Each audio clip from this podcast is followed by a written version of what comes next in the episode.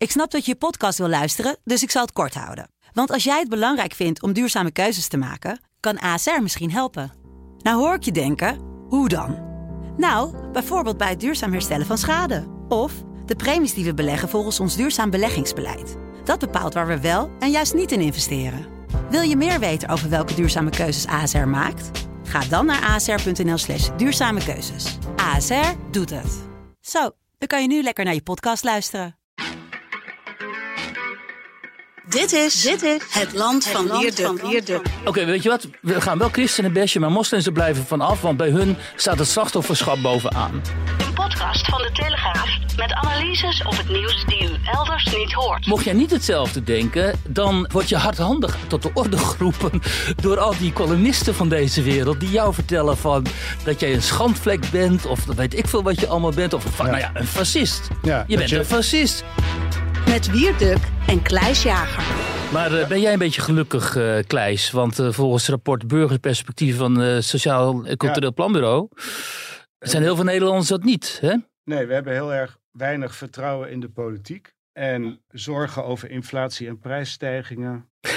Wat nog meer? Zorgen over asiel en Nou ja, al, die zaken, al die zaken die, waar, waar jij de laatste jaren veel over hebt geschreven, die worden keurig opgesomd in dit rapport. Ja, dat even uitleggen. SCP heeft, eh, die volgt al jaren hè, de thermometer van de burgers in Nederland, zeg maar. Dus maatschappelijk klimaat. En komt dan met zo'n eh, de, eh, doorwrocht rapport op de proppen, nu ook weer. Overigens weten heel veel mensen niet dat vroeger die Pepijn van Houwelingen daar ook werkte. Hè, voor, eh, Ah ja. die nu bij voor, voor Forum van Democratie in de Kamer zit. Hij heeft Ja. een aantal, bijgedragen aan een aantal uitstekende rapporten. hè. Dus al die mensen zeggen dat die, die zeggen die Pepijn is een charlatan en zo. ja. Ja, die missen dan toch weer de essentie. Want dat is gewoon een eh, onderzoeker eigenlijk van eh, oorsprong. Van, van huis uit dan. Van huis uit. ja, van huis uit. Nu doet hij politiek. Dat is toch wat anders. Ja, en het rapport dat constateert heel veel. Het mensen die eh, naar de website van de Post Online gaan, dat ik daar maar eens reclame voor maken. Want al die MSM, die mainstream media, die, eh, die krijgen al genoeg eh, eh, ehm, eh, quotes. Maar bij de Post Online kun je dus een soort krankzinnige PowerPoint vinden van alles wat hierin staat Ja. in het rapport. En dan komt er in het kort op neer, en dat is ook al wel bekend van de afgelopen jaren, dat de stemming somber is. Negatieve economische verwachtingen, zorgen over inflatieprijsstijgingen, laag politiek vertrouwen, heel laag. Minder dan de helft van de bevolking heeft eh, vertrouwen in de. Politici, maar interessant aan deze rapport is altijd wel dat men wel vertrouwen blijft houden in de, in de democratie. Dus al die zaken waar onder andere omzicht dan voor waarschuwt en zo, dat klopt wel. Maar Nederlanders blijven toch eh, vertrouwen houden in het systeem. Dus, of in het systeem, in het- in ieder geval dat democratie zeg maar, de beste oplossing is om voor de maatschappelijke ordening, politiek-maatschappelijke ordening. Nou ja, dat is ook maar goed ook, want wat wil je? Anders kom je zelf, stel je, stel je voor, zo meteen kom je nog een soort Hongarije terecht. Ja. Dat moet je echt niet willen. Of nog erger, eh, Rusland, hè, waar de democratie om zeep is geholpen. Dus eh, nee, Ja. laten we vooral eh, de democratie blijven, eh, in de democ- eh, democratie eh, blijven geloven. Maar wat heel opmerkelijk is aan dit rapport, dat is dat mensen helemaal genoeg hebben, het blijken te hebben van eh, asociaal gedrag op sociale media. En eh, bijna de helft van de Nederlanders maakt zich zorgen over foutieve, misleidende informatie op sociale media. En vooral dus eh, over de desinformatie maakt men zich zorgen die daar verspreid zou worden. En het is ook nog eens een keer zo, las ik, en dan moet ik even kijken, dat heel veel mensen vinden dat je eigenlijk anderen helemaal niet mag krenken in hun religieuze eh, gevoelens. Dat is opmerkelijk. Ja, dat vind ik heel opmerkelijk, omdat, kijk, religie eh, hè, en religiositeit en geloof is ook maar een mening. Hè? Eh, ik vind ieder, ieder mens mag geloven wat hij wil. En hij mag het ook praktiseren, tenzij ze ons ermee lastigvallen in de openbare ruimte. Althans, te veel ermee lastigvallen. Maar als jij vindt dat je, dat je niet van een moslim of een christen of een boeddhist mag zeggen dat hij in sprookjes gelooft en je vindt dat kwetsend. Althans, omdat dat kwetsend zou zijn, ja, dan begeef je toch wel op eh, heel glad ijs, vind ik. Omdat dat moet gewoon mogen. En als de ander, degene die jij daar dan eh, zogenaamd mee beledigt of kwetst, zich beledigd of gekwetst voelt, is dat natuurlijk gewoon een keuze hè, om dat zo te voelen. En het is, het, het, het is niet een teken van fatsoen als je dat doet. Dat, dat is mijn grote probleem vooral mee. Met al dat gescheld op, op sociale media, maar ook het mensen kwetsen in hun geloofsovertuiging en zo. Zo'n Tim Hofman bijvoorbeeld, die altijd maar weer de SGP opzoekt. En dan Ja. enorm kwetsend over hen tekeer gaat. En dat vervolgens niet durft over moslims. Hè, terwijl die vaak nog veel orthodoxer zijn dan de gemiddelde SGP'er. Ja. Maar zo'n Hofman die zoekt echt zijn christen slachtoffers uit. En omdat hij weet dat hij daarmee applaus krijgt in zijn eh, bubbel. Ja. Ja. En dat vind ik dus getuige van. eh, Zo opzichtig. ja, het is opzichtig, het is pathetisch ook. En het is ook eh, respectloos, natuurlijk onfatsoenlijk. En, maar dat is ook een keuze. Als je onfatsoenlijk wilt zijn, hè, zoals Sander Schimmelpenninck ook, is elke dag heel vaak onfatsoenlijk aan het schreeuwen en aan het schelden. En verwijt dan vervolgens andere mensen op sociale media dat ze onfatsoenlijk zouden zijn. Maar wij verdedigen het recht van Schimmelpenninck om onfatsoenlijk te zijn. Helaas moet ik dat verdedigen. Het valt allemaal binnen de vrijheid van meningsuiting. Eh, andere mensen die mij fascist noemen, zoals die eh, doorgedraaide royalty-verslaggever. Piet Lekkerkerk, dat is natuurlijk andere koek, want die, eh, hè, die bezorgt mij reputatieschade. En eh, die noemt mij permanent fascist en zo. En dat, ja, dat, dat is natuurlijk laakbaar. Eh, maar goed, daar zou de, wet, de rechter over moeten. Als je, als je hem zou aangeven, zou de rechter moeten oordelen of dat dus eh smaad en laster is of belediging. Nou, belediging is het sowieso. Maar dan moet je nog de moeite nemen om zo'n vent aan te klagen. En dan het hele proces door en zo. En daar heb ik vaak geen zin in. Eh, maar als ik van een, k- van een gelovige, religieus iemand wil zeggen van dat hij in sprookjes gelooft. ehm, ja, dan eh, moet dat natuurlijk niet zo zijn dat heel veel mensen dat allemaal heel erg verschrikkelijk vinden. Dus daarmee zie je dus ook hoe zie je eh, mensen ehm, niet eigenlijk bereid zijn om zelf eh, na, dingen te doordenken. Nadenken doen ze natuurlijk wel, maar dingen te doordenken. Omdat deze, ehm, het feit dat zoveel mensen dit vinden, komt natuurlijk puur vanuit de propaganda die we de laatste jaren over ons heen hebben gehad over de islam. Omdat, dat is dus heel succesvol is de islam daarin geweest. Ze hebben allerlei mensen naar voren geschoven eh, via bijvoorbeeld politieke partijen als Denk, maar ook zo'n columnisten van Trouw, die Emine Ja. Hoer Ja. en anderen die ons permanent bestoken met je mag niks zeggen over de hoofddoek, Ja. je mag niks zeggen over Mohammed, je mag geen eh, cartoons publiceren, je mag dit niet, je mag dat niet, je mag dat niet. Ja, ja, het is... eh, En dan zijn er dus heel veel, nou, dat heb je ook meegemaakt in Frankrijk. En dan internaliseren heel veel mensen dat. En die zeggen, ja, daar, hebben ze wel, hebben ze wel een punt. Terwijl ze hebben geen punt. voortdurend hamert op het feit dat mensen worden gediscrimineerd en achtergesteld. Dan bevorder je dat mensen dit soort opvattingen gaan hebben. Dan denken ze, ah, dat is toch ook wel erg sneu. Laten we elkaar niet beledigen. Precies dat. En dan is het ook zo leuk om dat verschil te zien tussen hè, publiek debat in Frankrijk, waar jij dan vandaan komt, zeg maar. En Nederland, dat in Frankrijk heb je dus eh, radicale, eh, seculiere verdedigers van het secularisme, maar ook verdedigers van de vrijheid van meningsuiting, die gewoon zeggen, joh, rot op met je geklaag. Hè. Eh, dit is een vrij land en hierin mag je eh, zeggen wat je wilt totdat de wet het verbiedt. En mensen die over hun religie gaan, kla of gaan klagen dat hun religie wordt beledigd, die moeten maar een wat dikkere huid kweken. Ehm, maar puur ook geredeneerd vanuit het secularisme, scheiding van kerk en staat, het, het, zeg maar de, de, de gezondheid van de publieke ruimte, van het publiek debat en zo. Waarin je heel scherp moet afbakenen eh, wat geoorloofd is. En in Nederland zie je dat altijd verwateren. Hè? En dat komt natuurlijk ook door die Nederlandse geschiedenis van de zuidensamenleving precies. en het Calvinisme en noem maar op. Dat mocht ook helemaal niks. Ehm, eh, en dat, dus we, hebben dat, we, hebben, we hadden dat eigenlijk al min of meer met elkaar min of meer afgesproken. Het is zo gegaan natuurlijk. We hadden met elkaar al min of meer afgesproken dat we dat niet moeten doen. Toen kwam dus links, de boomergeneratie in de jaren 60, 70. Die begonnen ontzettend af te geven op eh, al die eh, conservatieve christenen. Die, waar zij, hun ouders eigenlijk. Waar zij een schurfthekel aan hadden. Want ze hebben allemaal op die harde banken in de kerk gezeten. Achterin met een pepermuntje. En ze dachten allemaal, dit wil ik niet. Ik wil seks, drugs, rock'n'roll en zo. Dus ik ga mijn ouders beledigen en uitschelden. En al die christenen Ja. zijn allemaal verschrikkelijk en zo. Ehm, en toen moesten zij, dus toen werd het bon ton, hè, de, de hele de VPRO, eh, Ja. alle media en zo. Ja. Althans, die linkse media, die zaten op christenen te bashen en zo. En toen kwam de islam. Ja. En toen kregen zij niet die brave christenen tegenover zich, de, de Kees van der Staaijs en zo. Maar toen kregen zij een hele assertieve godsdienst tegenover zich. En eh, die zich ook nog eens een keer als slachtoffer manifesteerde. Ja. En toen dachten die boomers en hun kinderen, die ook allemaal links zijn, mits in de grachtengordel wonen natuurlijk en in de grote steden. Want op het platteland zijn ze dat niet. Maar goed, toen dachten die boomers, oh jee, wat nu? Oké, weet je wat? We gaan wel christenen bestje, maar moslims er blijven vanaf. Want bij hun staat het slachtofferschap bovenaan. Ja. Ja, nou zo gaat het in Frankrijk ook hoor, ongeveer. Eh, alleen je hebt daar inderdaad een veel ehm, sterkere stroming die toeziet op de naleving van de spelregels. Met sterkere woordvoerders. Ja, Want wie zou jij nu op dit moment in Nederland als woordvoerder van, zeg maar, dat, nou, niet dat secularisme, maar in ieder geval die vrijheid, dat type vrijheid van meningsuiting, dan kom je al terecht bij mensen als Bart Nijman. Zo. Terwijl vroeger had je de Karel van het Revens en dat soort types. Hè? Dus mensen die grote positie hadden in Nou, de je- mainstream media. je, je hebt Eddie Terstal, een aantal mensen Bij bij, ons. Vrij Links. Hè, dat is een aardig dat is een Theodor interessante Holman. groep. Theodor Ja. Holman. Ja. Maar niet, kijk, vroeger was dat toch wel het verdedigen van de vrijheid van meningsuiting tegenover religieuze dwang. Ja. Daar had je grote namen voor die zich in de ma- ma- mainstream media destijds voor, eh, voor hard maakten. Ja. Tegenwoordig niet, omdat ze te laf zijn. Hè? Ja, het, het is de, de godsdienst van de, van de zwakkeren, van de slachtoffers. Dus Ja. daar blijf je af. En dat zie je dus doordruppelen dan in zo'n eh, SCP-rapport.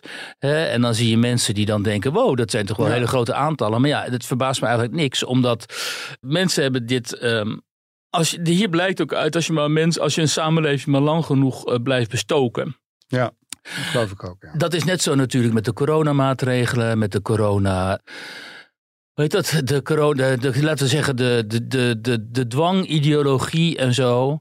Waarvan ook heel veel mensen zich eh, eigen hebben gemaakt. En ook bereid zijn om die eh, te verdedigen. En daarom is het zo belangrijk dat de dissidentengeluiden. En ook al zijn ze gewoon raar af en toe. Ook al denk je, heb ik hier nou met een wappie te maken.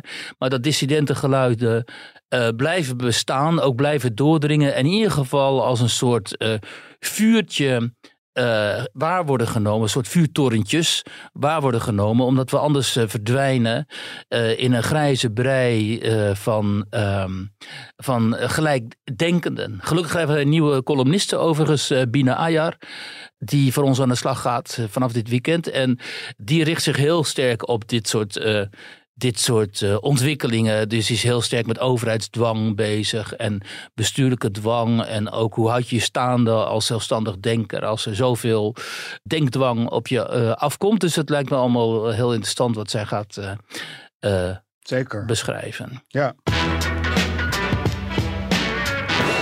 We moeten het hebben over Jan-Willem Erisman.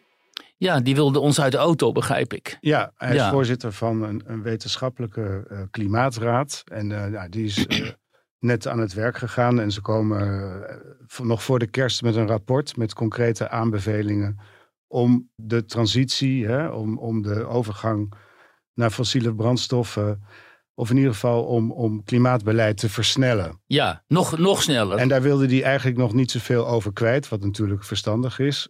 Alleen hij liet zich verleiden tot uitspraken over de auto. En hij zei, we hoeven, moeten er eigenlijk niet van uitgaan dat het in de toekomst nog vanzelfsprekend is dat iedereen in een auto rijdt. Nee, nou, terwijl voor links ooit, voor Joop den Uil, was het ideaal van de verheffing van de arbeider Een auto een autootje. Ja, Dus eh, nu zijn we dus, de cirkel is rond. Nu mogen de arbeiders niet meer in de auto.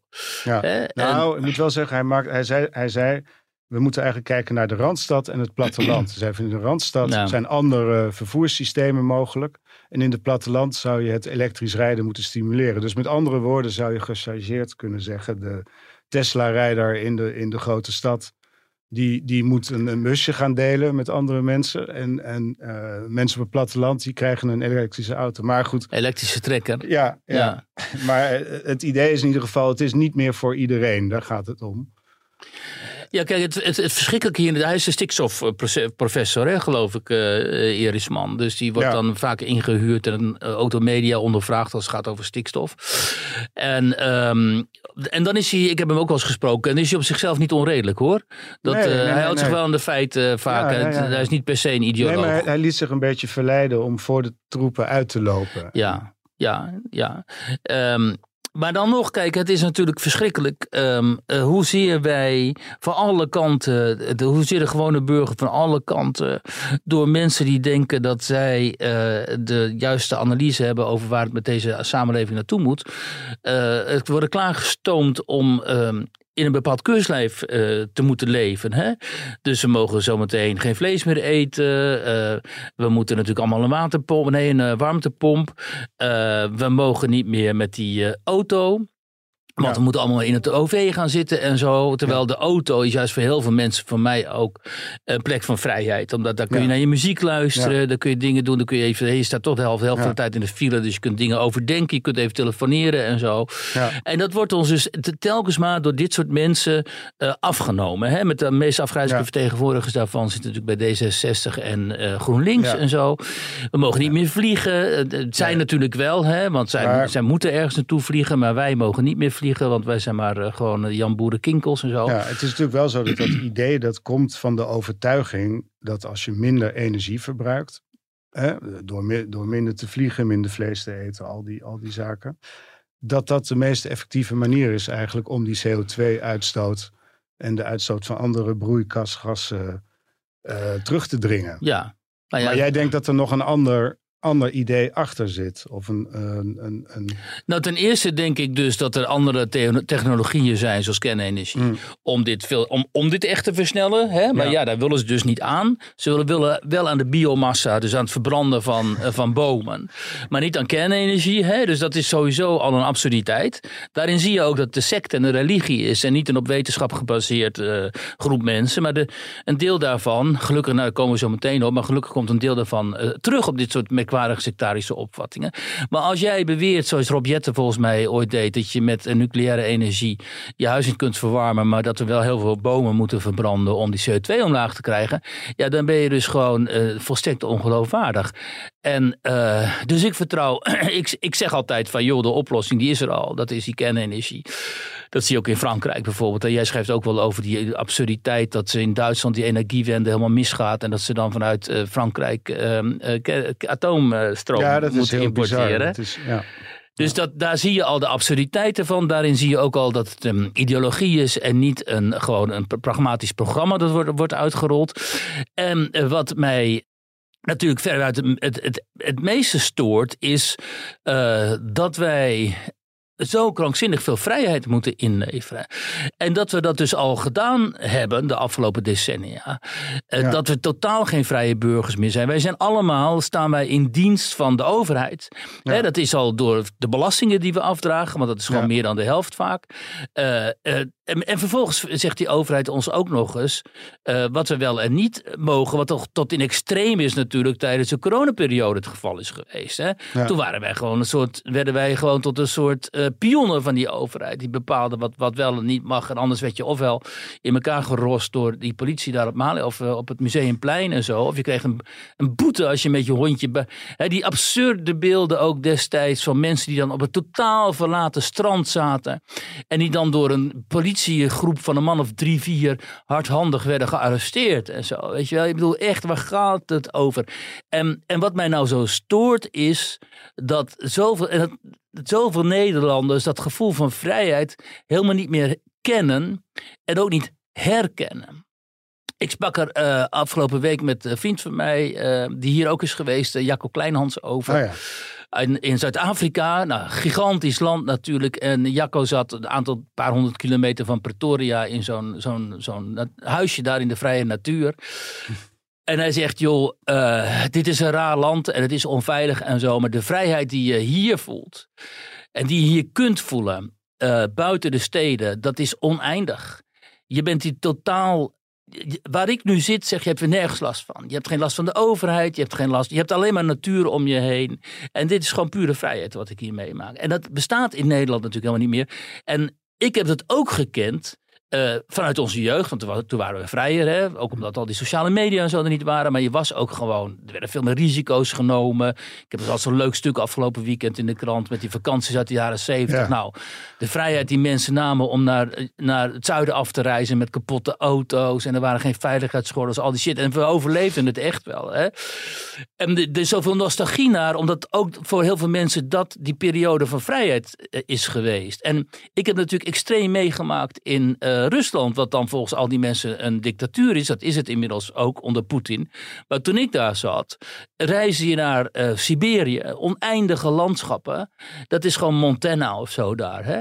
En je, je loopt er rond en je hebt nergens last van. Er is geen overheid, er zijn geen mensen die je lastigvallen. Er komt geen, destijds niet, er komt geen e-mail binnen van de Belastingdienst of weet ik veel wat voor overheidsdienst die weer zegt wat, dat ik iets moet en zo. Dus dan opeens, dan word je ook aangesproken op jezelf. Wie ben ik? Hoe overleef ik? Hoe, hoe trek ik dit? Kan ik dit überhaupt? Weet je wel? Al die dingen, daar word je dus veel meer mens van. Dus je leert jezelf meer kennen door die vrijheid. Je wordt veel meer op jezelf teruggeworpen. Dus je wordt ook veel, veel mensen. Veel, ja, je begrijpt veel beter wat je kracht is en wat je zwaktes zijn en zo. En je voelt je niet een soort ambtenaar die uh, eh, 24-7 in dienst van een of andere abstracte overheid functioneert. Maar je voelt je gewoon een individu. En nu is het interessante dat een land als Rusland, wat altijd als zo collectivistisch wordt afgeschilderd, veel meer individuen herbergt. Althans toen, hè, want ik ga niet, uh, disclaimer, ja, Poetin is heel erg, ja, ja. ja, ja dan moet je wel nog even, ja, even ja. zeggen. Maar althans toen, dat je daar dus veel meer individuen had, ook mensen die gewoon zelfstandig nadachten en dingen doordacht hadden en een hele andere maatschappijanalyse hadden bijvoorbeeld dan andere mensen, ook dan wij, dan hier in Nederland waar bijna iedereen ongeveer wel hetzelfde ongeveer denkt. En mocht jij niet hetzelfde denken als dit collectief, dit, dit, dit rare bureaucratische collectief wat wij hier zijn geworden als samenleving, Mocht jij niet hetzelfde denken, dan uh, word je hardhandig tot de orde geroepen door al die columnisten van deze wereld. Die jou vertellen van, uh, dat jij een schandvlek bent, of weet ik veel wat je allemaal bent. Of een, nou ja, een fascist. Ja, je bent een fascist. Je dat je verkeerd denkt. En, het grappige is, je plaatst je dus buiten het collectief. Je, je, je neemt een individualistisch standpunt in. En dan word je fascist genoemd, wat dus bij uitstek een collectivistische uh, ideologie is. Maar daar begrijpen ze, zijn ze allemaal veel te dom voor om dat te begrijpen. Uh, maar misschien moet je die ervaring maken zoals ik die heb gehad in mijn leven. Of ervaring zoals Jaco daar in Zuid-Afrika. Misschien moet je over die plane... Die plane Daniel Lohuis bijvoorbeeld reist elk jaar naar de Verenigde Staten. Dan gaat hij van Chicago zo over die velden daar naar, naar Seattle en zo. Ja. En die komt er ook allemaal helemaal uh, weer vol met inspiratie terug.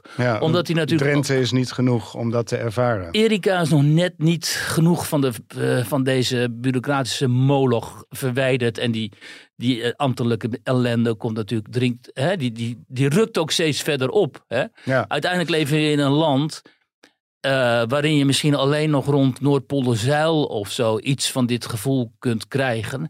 En ook daar zie je alle windmolen. Die windmolens waar ik, die ik zo intens haat ook, ja. dat, dat, zijn voor mij ook de vertegenwoordigers je, je, van je dit zei van de week, ze moeten allemaal weg. Ze moeten alle, want zij maken dit, juist dit, die vrijheid, het gevoel van eindeloosheid, die, die, die horizons hmm. waar je naar kunt staren, waar je kunt denken, je leven kunt overdenken en zo.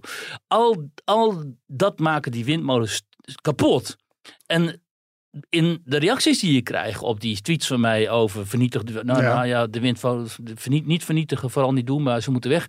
Die duiden daar ook op dat veel meer mensen dat zien. Al die mensen die zeggen, joh, ik zit aan die zee, ik zit aan die kust, ik wil hm. naar die horizon staren en wat zie ik? Een fucking windmolenveld, uh, weet je. Ja, een industrieel landschap. Een industrieel landschap, waarin ja. wij allemaal een pionnetje zijn geworden. Voor wie dan? Voor wie precies? Ja. Nou ja, waar doen we dit voor, uh, je, je, je, je, kunt er de, de elektriciteitsproductie eh, mee vergroenen. Hè? Dat gebeurt, het neemt heel snel toe. Zon en wind, dat zorgt ervoor dat er minder CO2 wordt uitgestoten bij de productie van elektriciteit. Alleen, je kunt het niet tot in het oneindige doen. Want als je ongeveer bij het laatste kwart bent aangekomen, dan moet je de rest doen met olie, kolen of gas. Omdat het weersafhankelijke energie is. Ja. En als je kiest voor kolen en gas, dan blijf, blijf je dus afhankelijk van fossiel. En daarom zou kernenergie, uh, denk ik, maar dat denken veel mensen, een betere, een betere oplossing zijn om dat gat uh, te vullen. Maar ik begrijp dat zelfs Greenpeace nu aan de kernenergie wil, of niet? Juist. Nou, Wat was het ook alweer het verhaal? Ja, afgelopen week was ik op zoek naar uh, voor de, onze opinierubriek, de kwestie. Uh, naar een anti-kernenergieverhaal. Want we hadden een pro-standpunt. En het is uh, gebruikelijk dat daar tegenover een anti-geluid klinkt. En dus ik belde Greenpeace. Uh, ja, die, die wilde niet. nou ja, waarom niet? Ja, we voeren er geen campagne meer op. het staat nog steeds wel op de website dat ze tegen zijn. En, maar goed, ze willen dat niet meer uitleggen. En eh, ze verwezen me naar een iets radicalere beweging, WISE Nederland, die, die dat wel wilde. Eh, en ik heb het ook nog gevraagd aan de Partij van de Arbeid en GroenLinks. Ja. En daar kreeg ik ook nee te horen. Die wilden Wat ook betekent niet. dit? Nou, ik denk dat ehm, men weet dat het een, een, een impopulair standpunt is om tegen kernenergie te zijn.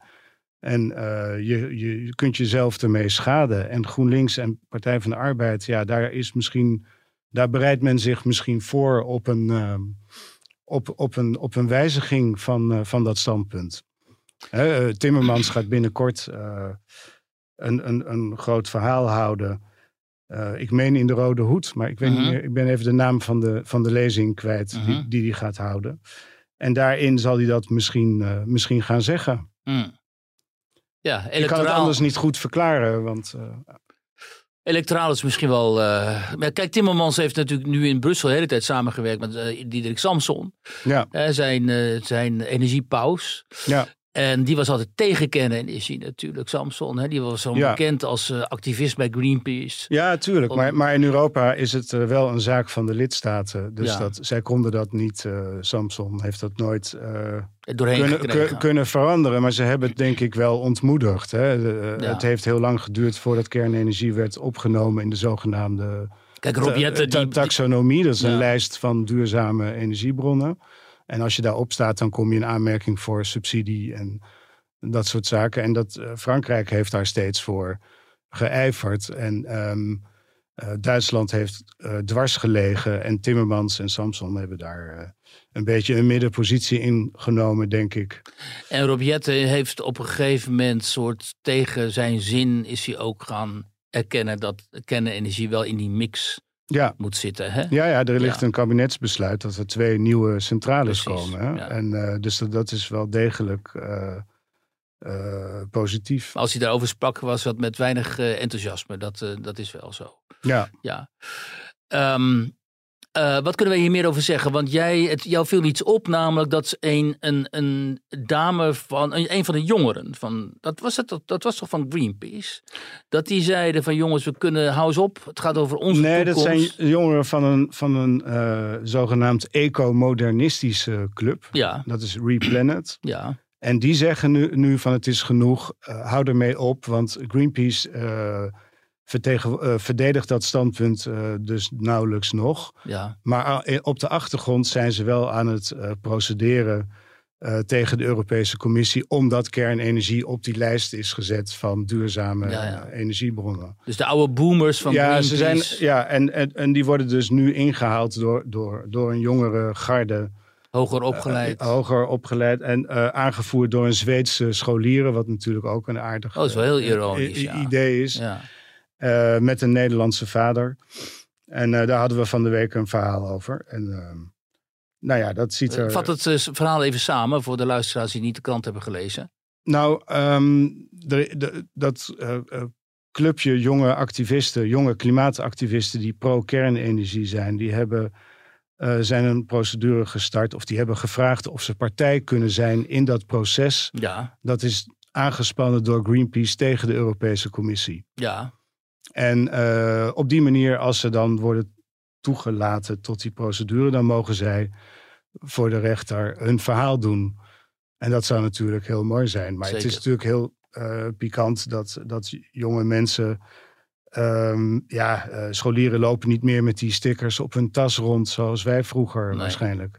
Nou, ik niet. Van maar kernenergie, nee, bedankt. Oh nee, dat heb ik nooit gedaan. Maar er Nou, waren natuurlijk wel heel veel leeftijdsgenoten die het wel deden. Ja. In Duitsland zag je al die VW-busjes met Ja, atoomenergie. Nou ja, precies, ja. Ja, Ja, vreselijk. ja en daar hebben we, in de bus. Ja, ja maar goed, ja, je moet niet vergeten dat al- als, je, als, het, als het je menens is, als je echt die CO2 heel snel wilt verminderen, ja, dan Ja. kun je niet om kernenergie heen. Nee, anders vergaat en je hoeft heus niet tegen de zon en wind te zijn, die horen er ook bij, maar je moet eh, kernenergie niet uitsluiten. Ik zie allemaal hysterische types, ook op eh, Twitter en zo. Die Haagse insider, die al helemaal...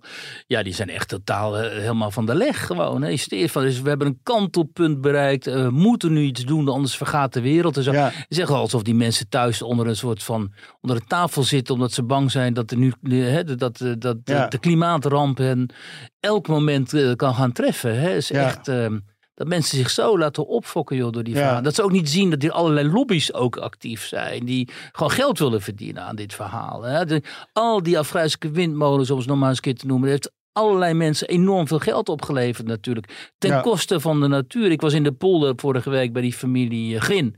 Die van hun boerderij ja. af moeten. Hè? Ja. Een modelboerderij, maar daar moeten ze dan van af. Want er is weer hè, een soort van...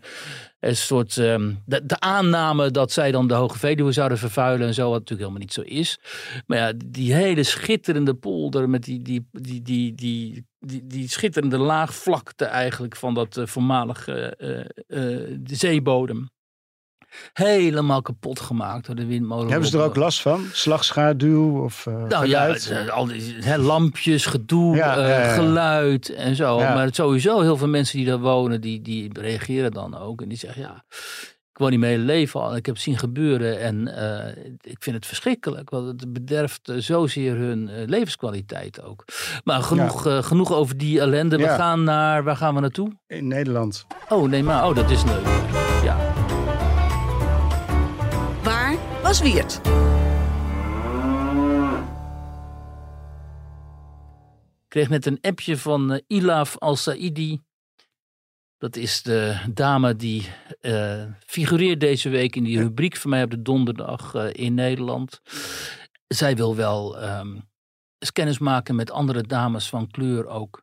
Die een, een beetje dezelfde opvattingen vertegenwoordigen als zij. Want ik ben haar gaan eh, interviewen omdat eh, Ilaf is een eh, columniste. Althans, die publiceert columns en eh, vlogs. De videoblogs zijn dat hè, op, eh, op internet, op LinkedIn en ook op TikTok sinds een aantal Ja. eh, weken. En het aardige aan haar is dat zij als vrouw van kleur, is zij dat? Weet ik eigenlijk niet. Nou, is allochtoon, is in ieder geval Iraakse ouders. Ja, Haar ouders zijn ooit gevlucht uit Irak en zijn terechtgekomen of all places in Sauwert bij Groningen op het Hoge Land. ja en dat was eh, ook wel heftig. Hè? Er zijn ook stenen naar binnen gevlogen. Ja, dus ik zal je vertellen, haar, haar biografie is dus dat haar ouders ooit zijn gevlucht voor de oorlog in Irak.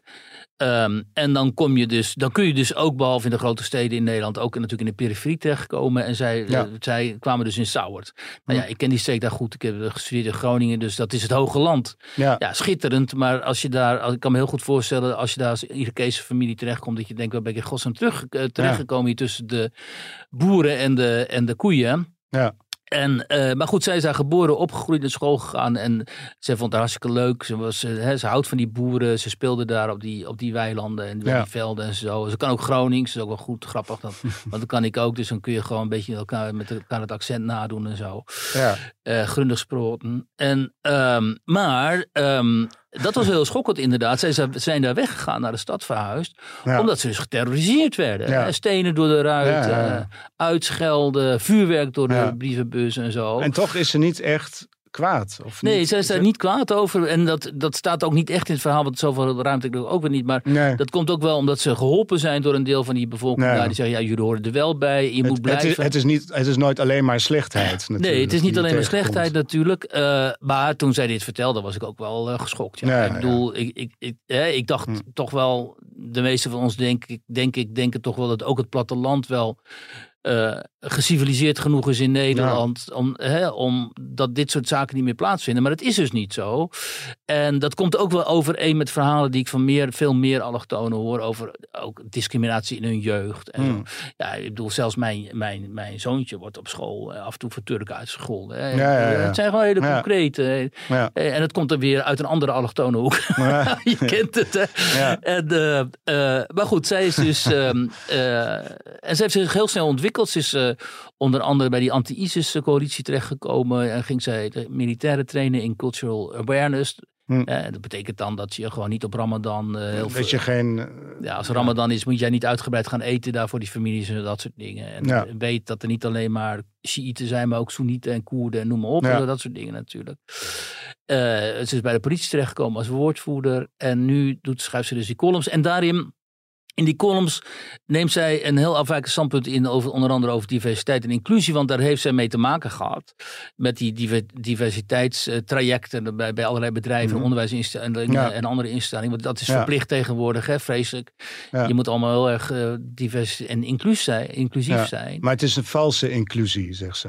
Ja, het is een Ja. valse inclusie, want zegt zij, eh, hè, het is heel erg gebaseerd natuurlijk op achtergrond, huidskleur eh, eh, en, en dergelijke. Maar veel minder op opinie. Dus als jij een afwijkende opinie hebt van de mensen die zeg maar dominant zijn binnen die diversiteits- en inclusiviteitswereld, en dat zijn natuurlijk al die progressieve woke mensen, ja, dan, dan word je daarop aangesproken. Dan geldt die inclusiviteit opeens niet meer. Dus zij zegt, als zo'n ehm Ridwan eh, Al-Yacoubi, die aanvoerder was bij Excelsior, als je op een gegeven moment op religieuze gronden weigert om die aanvoerdersband, die One Love band te dragen, net zoals Kukshu Mhm. destijds bij Ja, Feyenoord, ja, ja, ja. dan eh, stijgt er een storm van kritiek op en dan, moet die, eh, dan wordt hem de aanvoerdersband ontnomen. Ja, zegt ze, dat is niet echt inclusief. Als Russi- Russische atleten de, nu de eh, toegang tot sportevenementen wordt ontzegd, ook al zijn zij niet pro-Poetin en zo, ja, dan, dan is het ook niet heel erg eh, inclusief, omdat, zegt zij, en dat zegt ze op basis van haar Irakese of Iraakse achtergrond, toen eh, wij, het Westen, eh, onder aanvoering van eh, Bush en Blair, eh, Irak in puin legden, zo ongeveer. En dat is natuurlijk ook gewoon een probleem het, het geweest. Hè. Toen werden westerse sporters helemaal niet geweerd voor allerlei evenementen, terwijl in Abu Ghraib en zo toch ook oorlogsmisdaden werden gepleegd. En ja, het is misschien false, fa- false balance in de Mhm. ogen van heel veel mensen. Ja. Maar dat zij dit zo ziet, eh, maakt het interessant genoeg om eh, op te schrijven, denk ik. Ook omdat zij niet de enige is. En omdat je uit die. Ik had laatst immers ook die laatst die, dat eh, Turkse meisje Aylin. Ja. Die bij Funix was ontslagen omdat zij te conservatief was. Terwijl ja. Funix zich ook voordoet als een hele progressieve, eh woke, inclusieve eh, ehm, onderneming. Ehm, eh, maar zij was. ehm, eh, haar meningen waren. Bij haar meningen voelden mensen zich onveilig. Ja. En daarom moest ze worden ontslagen. En ik vind het interessant, dat juist vanuit die allochtone hoek, waar ehm, conservatisme natuurlijk veel vaker gewoon niet eh, besmet is geraakt. Omdat die ouders zijn waar conservatief denken, conservatief geven dat aan hun kinderen mee en zo. Dat vanuit die allochtone hoek dit soort geluiden klinken. En die botsen dan zo enorm met die zeg maar eh roomblanke grachtengordel woke eh, generatie. Die van dit soort meningen helemaal niet gediend is natuurlijk. En, ehm, en, en ehm, Ilaf zegt ook van ja, ik bereid me er wel op voor, want ze ZZP'er nu. Ik bereid me er wel op voor dat opdrachtgevers eh aantal zich zal terugtrekken. Omdat eh, ja, dit soort meningen natuurlijk niet gewenst zijn in die wereld. Van, Ja, zelfs, zelfs als die opvattingen geen rol spelen bij het werk wat ze voor die opdrachtgevers gaat doen. Nee, zelfs dat niet. Maar als zij dus ingehuurd zou moeten worden voor, eh, om de diversiteit wat te bevorderen Ja. daar op de werkvloer. Ja, En zij neemt allerlei conservatieve mannen mee die zeggen, joh, homoseksualiteit in onze, ja, eh, daar hebben we toch wat problemen mee, bijvoorbeeld. Ja, Ja. dan gaat zo'n bedrijf, trekt dat natuurlijk helemaal niet. nee. Terwijl maar- het leuke is, zij ja, krijgt daar juist... kan, kan ik misschien toch wel een beetje inkomen. Ja, het is natuurlijk een reputatieschade voor zo'n bedrijf. Ehm, en d- het is dat, kijk, ik zeg dit nu, dit is natuurlijk ook niet iets wat zij zou gaan doen. Nee, nee, nee. Dat, dat ligt niet voor de hand, dat, dat, dat, dat doe je niet. Maar zij constateert alleen maar een, die dubbele st- standaard, zoals Mhm. zij zelf zegt. En het interessante is dat, en het gebeurt vaker bij mensen die dit soort eh, meningen ventileren, dat ze dan juist vanuit ook de LGBT, LB, nou ja, die, die, die afkorting Ja, hoek, eh, veel support krijgt. Hè? Van, vooral van homoseksuelen die zeggen, ja joh, ik snap het helemaal, al, dat, al die, die, die acceptatiedwang en zo. ja, Eh, daar word ik alleen maar op aangekeken. Terwijl ik wil gewoon normaal Ja. rustig kunnen functioneren. Ik wil niet als homoseksueel. Mijn identiteit is niet mijn homoseksualiteit. Dus kappen mee. ja. En dat ik zo gepolitiseerd word. Want dat is het eigenlijk. Hè? Dat mijn seksualiteit zo gepolitiseerd ja het wordt. is, het is eh, identiteitspolitiek. Ja, precies. En, ehm, en vooral ontstaat er nu een kloof hè, tussen zeg maar de oude, eh, eh, eh, de, emancipa- de strijders voor emancipatie van homoseksuelen. Die raken nu in conflict met de transgenderactivisten. Hè? Ja, Omdat Ja. dat hele transgenderisme is ook voor een heel deel, groot deel eh, homofoob. ja, En, en dat gaat botsen natuurlijk. Ja. Dus, ehm, en dat ziet zij ook. In ieder geval, ze, ze, ze voelt dat intuïtief. En ze voelt intuïtief dat het, eh, dat dat gewoon onrechtvaardig is in haar woorden. En ehm, nou ja, dat, dat, dat maakt haar Hmm. op, op die jonge leeftijd wel tot interessante ja, Zeker, gesprekspartner. ja. Hebben we nog meer Ja, onderwerpen? ja, wat hadden we nog? nou, volgens mij hadden we nog Nord Stream. Oh ja. Ja. Ja. ja, dat was eerst het werk van de Amerikanen. Ja, Toen was het... eh, hadden Nee, het was eerst werk van de Russen. de natuurlijk. Russen, de Ja, Russen. ja, ja. Toen waren het Oh, Amerikanen. maar nu... Nou, toen waren een kleine groep mensen die zeiden, Simon Hirsch, zoals Simon Hirsch, Ja, ja. die zeiden van het zijn vaste Amerikanen, maar die werden natuurlijk weggehoond. Hè? ja, ja. Want natuurlijk had Rusland er vooral baat bij om de eigen pijpleidingen naar Europa op te blazen. En bij mij is het altijd volstrekt ontgaan wat voor baat Rusland daar dan bij had. Maar ja, dat, dat moesten we allemaal geloven. ja. Maar nu is Maar, dus- maar nu dus steeds meer aanwijzingen dat eh, het, het, het werk is geweest van Oekraïne. Ja, nu heeft eh, de heer Spiegel. Kijk, het is natuurlijk een aanslag geweest in principe op Duitse infrastructuur. Hè? Dat, eh, die Nord Stream 1 en 2, dat waren de pijpleidingen die dan gas naar het westen brachten. En Duitsland lag daar als een soort infuus daaraan. Dus de, de, die aanslagen, die waren in principe ehm, een aanslag op de Duitse economie. En op, eh, op, op Duitse... eh, infrastructuur. Hè? Die, Gerhard Schreuder, die eh, voormalige bondskanselier, die heeft daar ook mee in dat bedrijf ehm, eh, mee te maken. Dus ehm, nu hebben ehm, de Spiegel, gerenommeerd ehm, eh, weekblad natuurlijk, en ook onderzoeksmagazine, die hebben, die hebben krankzinnig veel mensen samen met de Duitse publieke omroep erop gezet om dus nou echt goed te gaan onderzoeken. Wat, heeft, wat is hier nou aan de hand geweest? Wat speelt hier nu? En daar hebben ze een eh, hele lange longread over eh, geschreven. Echt eh, zo lang dat je bijna op halverwege denkt van ja, nou, nou dit is te lang. Het werd zelfs voor jou te, te gek. Nou ja, zelfs voor Duitse begrippen was dit ellenlang. En zelfs voor mij werd het een beetje te gek. Maar goed, uiteindelijk blijkt dus gewoon uit die longread dat ehm, de Oekraïners hierachter zitten. En dan, ehm, dat, is, dat, is, dat is de conclusie die zij trekken. Van alles wijst naar, eh, naar Oekraïne. Wat ook voor de hand ligt natuurlijk. Mm. Want de Oekraïners wilden zowel eh, de Russen treffen als de westerse eh, Ja. eh, landen duidelijk maken dat met hen niet valt te spotten. En dat die westerse landen geen zaken meer moeten doen met Poetin op ja, ja, energieterrein. dat zou je denken. Ja, hoewel ik dan denk van als de Oekraïners dit hebben gedaan, dan wisten de Amerikanen dit ook. Eh, want die doen niks. Er is een soort, de Oekraïne is, Oekraïne is natuurlijk voor een soort vazalstaat van de Verenigde Staten nu geworden. Hmm. Maar ja, dat is ook, hoeft ook helemaal geen verbazing te wekken. Omdat Joe Biden en eh, Victoria Nuland en zo ook al eh, lang voordat dit allemaal begon zeiden die Nord Stream moet stoppen. En op, ze zeiden op het moment dat ehm, Biden heeft dat letterlijk gezegd. Op het moment dat Poetin invalt, Oekraïne invalt, dan we will put an end to this. En toen werd nog gevraagd van hoe dan? En toen zei hij, eh, believe me, we have the means to put an end to this. Dus eh, de Amerikanen wilden dit ook stoppen. Dus het is, eh, die wisten hier dan waarschijnlijk van, laten we het zo zeggen. Maar wat betekent dit nou dan? Want wij nu, voor de Duitsers is het natuurlijk een krankzinnig dilemma, omdat ehm, zij steunen dus met raad en daad en woord en geld en heel veel wapens ook, althans en geld voor wapens, eh, een, eh, een bevriende natie, Oekraïne, eh, die waarschijnlijk verantwoordelijkheid draagt voor een aanval op hun, op hun infrastructuur, wat normaal gesproken dus een act of war zou zijn. Ehm, hoe ga je nou mee om? Goed, dat dilemma beschrijft die Spiegel natuurlijk ook en daar komen ze natuurlijk niet uit. Hè? Want eh hier kun je ook niet uitkomen, omdat eh, dit zou betekenen als, als je dit echt op tafel zou leggen en zou vragen. En als journalisten ook eens keihard zouden gaan vragen aan Olaf Scholz bijvoorbeeld, of aan Zelensky van joh, hier is het bewijs. Eh, hoe kan dit? Hè, tussen bevriende naties, dit soort enorme terreurdaden eigenlijk. Ja, dan krijg je natuurlijk helemaal geen antwoord. Joh. Dus, eh, maar het is wel goed, eh, daarom wil ik het er even over hebben. Het is in het Engels ook, dus mensen kunnen Mhm. het lezen. Heel vaak zeggen mensen, ja, ik kan geen Duits en zo. Want met Ja, vreselijke onderwijs tegenwoordig kunnen mensen niet eens Duits meer. Maar het is in, in de Engels, wat de meeste mensen hopelijk nog wel eh, kunnen begrijpen. Dus je moet dat maar even opzoeken bij de Spiegel. En dan kun je toch eens kijken ook... ehm, nou ja, je ziet ten eerste goede journalistiek. Dat is in deze tijden ook nogal, in deze ideologische en gepolariseerde tijden, waarin de media vaak een kant kiezen, is het ook niet slecht hè, om dat, eh, dat weer eens te zien.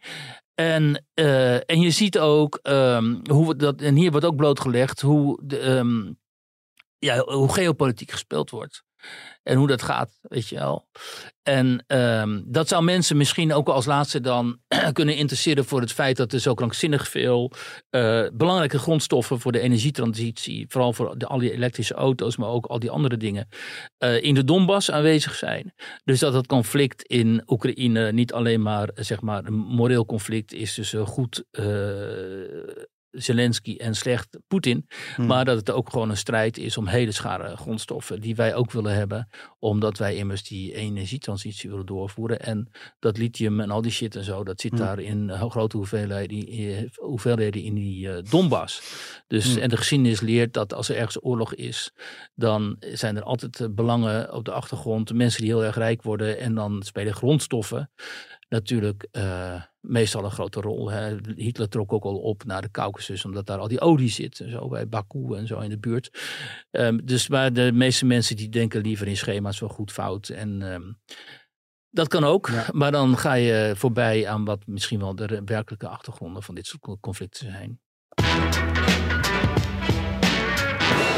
Maar we hadden nog Wopke Ja. die naar Brussel gaat. En Ja. dan wil ik jou even de, de gewetensvraag stellen, eh Kleis. Geloof jij in eh, white privilege? Nee, ik geloof vooral in klasse. Ja, ik ook. En veel maar minder in daarbinnen, kleur. daar, daar, daarbinnen kan ook natuurlijk white privilege een rol spelen. Denk ik dan. Ja, maar eh, hoe zou dat de carrière van Wopke vooruit Nou ja. geholpen hebben? Want, want die komt waarschijnlijk uit een, een, een, een, een heel gunstig milieu en heeft veel kansen gehad die hij heeft. Nee, ik had de vermetelheid om op te schrijven dat als mensen, eh, mochten mensen niet geloven in white privilege, kijk dan even naar de bestuurlijke en politieke carrière van Wopke Hoekstra. Want we moeten niet vergeten, Wopke was als student eh prezes van Minerva. En als je, hè, dat is die studentenvereniging in, ehm, in Leiden. Leiden. Die je niet het elitekoor mag noemen. Want al die mensen die op Minerva hebben gezeten. Die ga je dan, ga je dan tegen jou zeggen. Wat is dat voor flauwekul? We zijn helemaal geen elite en zo. Terwijl het natuurlijk bij uitstek een Ja. elitair eh, club is. Dat is ook zo grappig. Kijk, ik, hè, ik, ik, ik, ik, ik zie dat. Hm. En eh, als je dan de filmpjes en de foto's ziet, bijvoorbeeld van de introductiedagen van Minerva en zo. Daar staan dus alleen maar eh wel-to-do, blanke, eh, jonge mensen daar. Hè? Ehm, en dat is hoe dan ook natuurlijk, als jij Turk of Marokkaan of eh Surinamer bent en je gaat ook studeren en je denkt, ik wil ook wel eens deel uitmaken van zo'n club, is het hoe dan ook natuurlijk krankzinnig intimiderend als je dan daar Ja. op straat gaat staan tussen honderden van die blanke, blonde. Ja, dat, eh, dat, mensen. dat geloof ik heus wel. Maar ik denk dat dat ook zo is als je Kevin heet en uit Venlo komt. Ook. en, je, ook. en je wil bij die club. Ja, en ik Dan ben, heb je hetzelfde gevoel. En ik denk dat, eh, dat de, de ik leden van kleur, de, de, de knorren van kleur, Ja, moet ik misschien wel zeggen. Nee, dat knorren zijn juist niet nee, leden. nee, nee, de, de Le- ballen le- van kleur. ballen van kleur, Ja. die zullen heus komen. Nee, tuurlijk komen die ook. Dat zag je in, in Vlaanderen of in België bijvoorbeeld met die ene jongen van kleur die bij, bij Ja. dat ene heftige k- koor Ja. ging. Die werd dus vermoord. Ja, weet je nog? Die werd eh, zo vernederd dat hij uiteindelijk stierf. Ja. Ehm, kijk, ik denk we moeten hier geen enkele illusie over hebben. Hmm. Natuurlijk de Kevin uit Venlo en zo met zijn zachte G. Die is ook zwaar geïntimideerd. Komt als hij ook daar niet in de raad al van die ga- bestuur. Nee, nou, uiteindelijk misschien wel. Maar die Ja. is ook zwaar geïntimideerd als hij daar in de Breestraat staat in Leiden. En Minerva heeft de open dagen. Eh, Ja. En die denkt, jezus, waar ben ik terecht gekomen? Dus al die gasten uit Hilversum en het gooien met een grote mond en zo. Ja. Maar die gasten uit Hilversum met hun grote mond, en die hoor je dan daar, hè, met die, met- die hoor je dan daar heel luidruchtig. Die hebben wel, de- die hebben niet alleen maar klassenprivilege, die hebben ook die, dat is een dubbel privilege. Ja. En uit een krankzinnig rijk milieu komen. En altijd de baas hebben kunnen spelen. En kijken naar een vader die de baas heeft kunnen Ja. spelen. Met hun ondernemingen en, hè, en hun eh, va- vakanties en zo. En ook nog eens blank zijn. Ja. Weet je? En Dus ze hebben een dubbel privilege. En als je dat ontkent, Mhm. eh, in mijn ogen, dan ontken je een werkelijkheid die voor heel veel mensen van niet alleen uit de lagere klasses, maar ook van mensen uit de lagere allochtone klasses, dat komt er dan nog eens bij, eh, heel duidelijk ook een drempel is om daar eh, je niet in te begeven, omdat je Ja. extra veel moeite moet doen om daar überhaupt eh, Ja. geaccepteerd te worden. Dat is gewoon pure feit. Mijn eigen dochter zit op zo'n eh, studentenclub. Eh, nou ja, Ja. dan gaan ze op een eh dispuutsreis en er zit er één donker meisje tussen en de rest is gewoon allemaal hartstikke blond en, eh, en, Ja. en blank. En dan kun je zeggen, ja, maar dat is samenleving, die is ook voor het overgrote deel eh, blank en zo. Maar op de universiteiten is dat niet meer zo. Hè? Dat is voor een Ja. heel groot deel gekleurd. Ehm, dus dat wilde ik daarmee zeggen. En Wopke is bij uitstek dan in mijn ogen daar een vertegenwoordiger van, want hij werd dus prezes van Minerva. Daarna kwam hij dus in die, bij McKinsey. ja. Vervolgens heeft hij allemaal mensen van McKinsey ook de ministeries binnen ge- geloodst. Ja. Eh, toen werd hij minister. Hij kon eigenlijk kiezen, geloof ik, buitenlandse zaken. Ook nog bij Shell geweest, geloof ja, kort bij Shell, een paar jaar. Ja, ja, maar daarom is hij nu een fossiele bestuurder. Ja, precies. Ja, ja. Maar, hij, maar hij is dus helemaal corporate, weet Ja. ik veel. Elite, gevestigde orde. Neemt zijn eigen mensen mee naar ministeries en zo. En dan mag je nu Frans Timmermans opvolgen.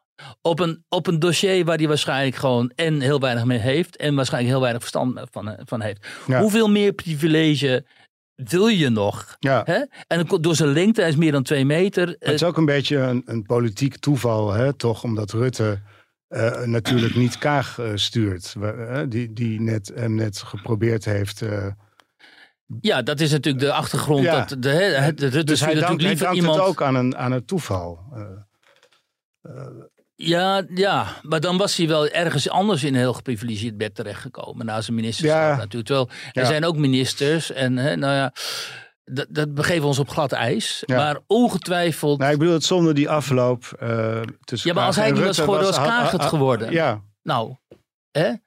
Eh, die kan honderd keer een hoofddoek, de hoofddoek opdoen, maar hij witte privilege legt ze niet af daarmee. Weet je wel?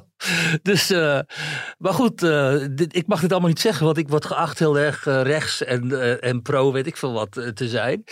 Maar vanuit mijn achter, eigen achtergrond en zo zie ik dat natuurlijk ook wel. En hoeveel moeilijker het is om, als je uit een allochtone positie komt, om je ergens. ehm, eh, in te werken, ondanks ook al die positieve discriminatie. Waar ik tegen Ja. Het probleem is natuurlijk, de vraag is natuurlijk uiteindelijk, is het een probleem? Is Ja. het een probleem in een overwegend toch nog altijd blanke samenleving dat dit het geval is? En dan denk ik, ja, niet per se. Hè? En als je de, de guts hebt en de, de, de energie zoals zo'n Ilaf dan. Mhm. eh, Ja. en, je, en je bent, hebt het het enthousiasme ook en de humor en je vecht je in. Ja, dan, dan kom je ook binnen zo'n club als Minerva natuurlijk wel ergens. Maar zo'n voorbeeld, als ik nu schets van Ilaf bijvoorbeeld of andere succesvolle allochtonen. Eh, dat, dat weerspreekt niet dat ehm, er natuurlijk hele grote groepen zijn in de Nederlandse samenleving. Die niet alleen op basis van klasse, maar ik denk toch ook wel op basis van huidskleur. Nogmaals, heikel, heikel eh, glad Mhm. ijs. ja, eh, het makkelijker hebben. ja. Nou, Juist. nou, dat lijkt mij Je een hoeft het mooie... niet met me eens te zijn, overigens. Nou, ik moet er nog eens over nadenken. Ja, besteed de komende week om daarover na te denken. Dan kunnen we hier nu een einde aan brouwen. ja, ja Dat, dat moet jij doen, Kleis. Jij Oh, bent ja, de moderator, zoals nou, het ja, nee, heet. Dan zijn we de volgende week weer. eh, dan met Roel den Outer, denk ik. Ja, dat eh, denk ik ook. En vergeet niet, mensen, dit weekend zijn de visserijdagen in Den Oever. Waar u een eh, laatste blik kunt werken, werpen op deze zeg maar, kroonjuweel van de Nederlandse industrie en economie, namelijk onze vissers. Ja. Want die moeten immers, immers allemaal verdwijnen, dus misschien is dit nog wel een laatste kans. Volgens mij heb jij weekenddienst, eh Kleis. Dus Ja. moet, moet jij daar maar naartoe en dan ons eh, verslag doen van de, de, het einde van een geschiedenis. Daar komt het dan op neer. Ik zal het zien. Dank je.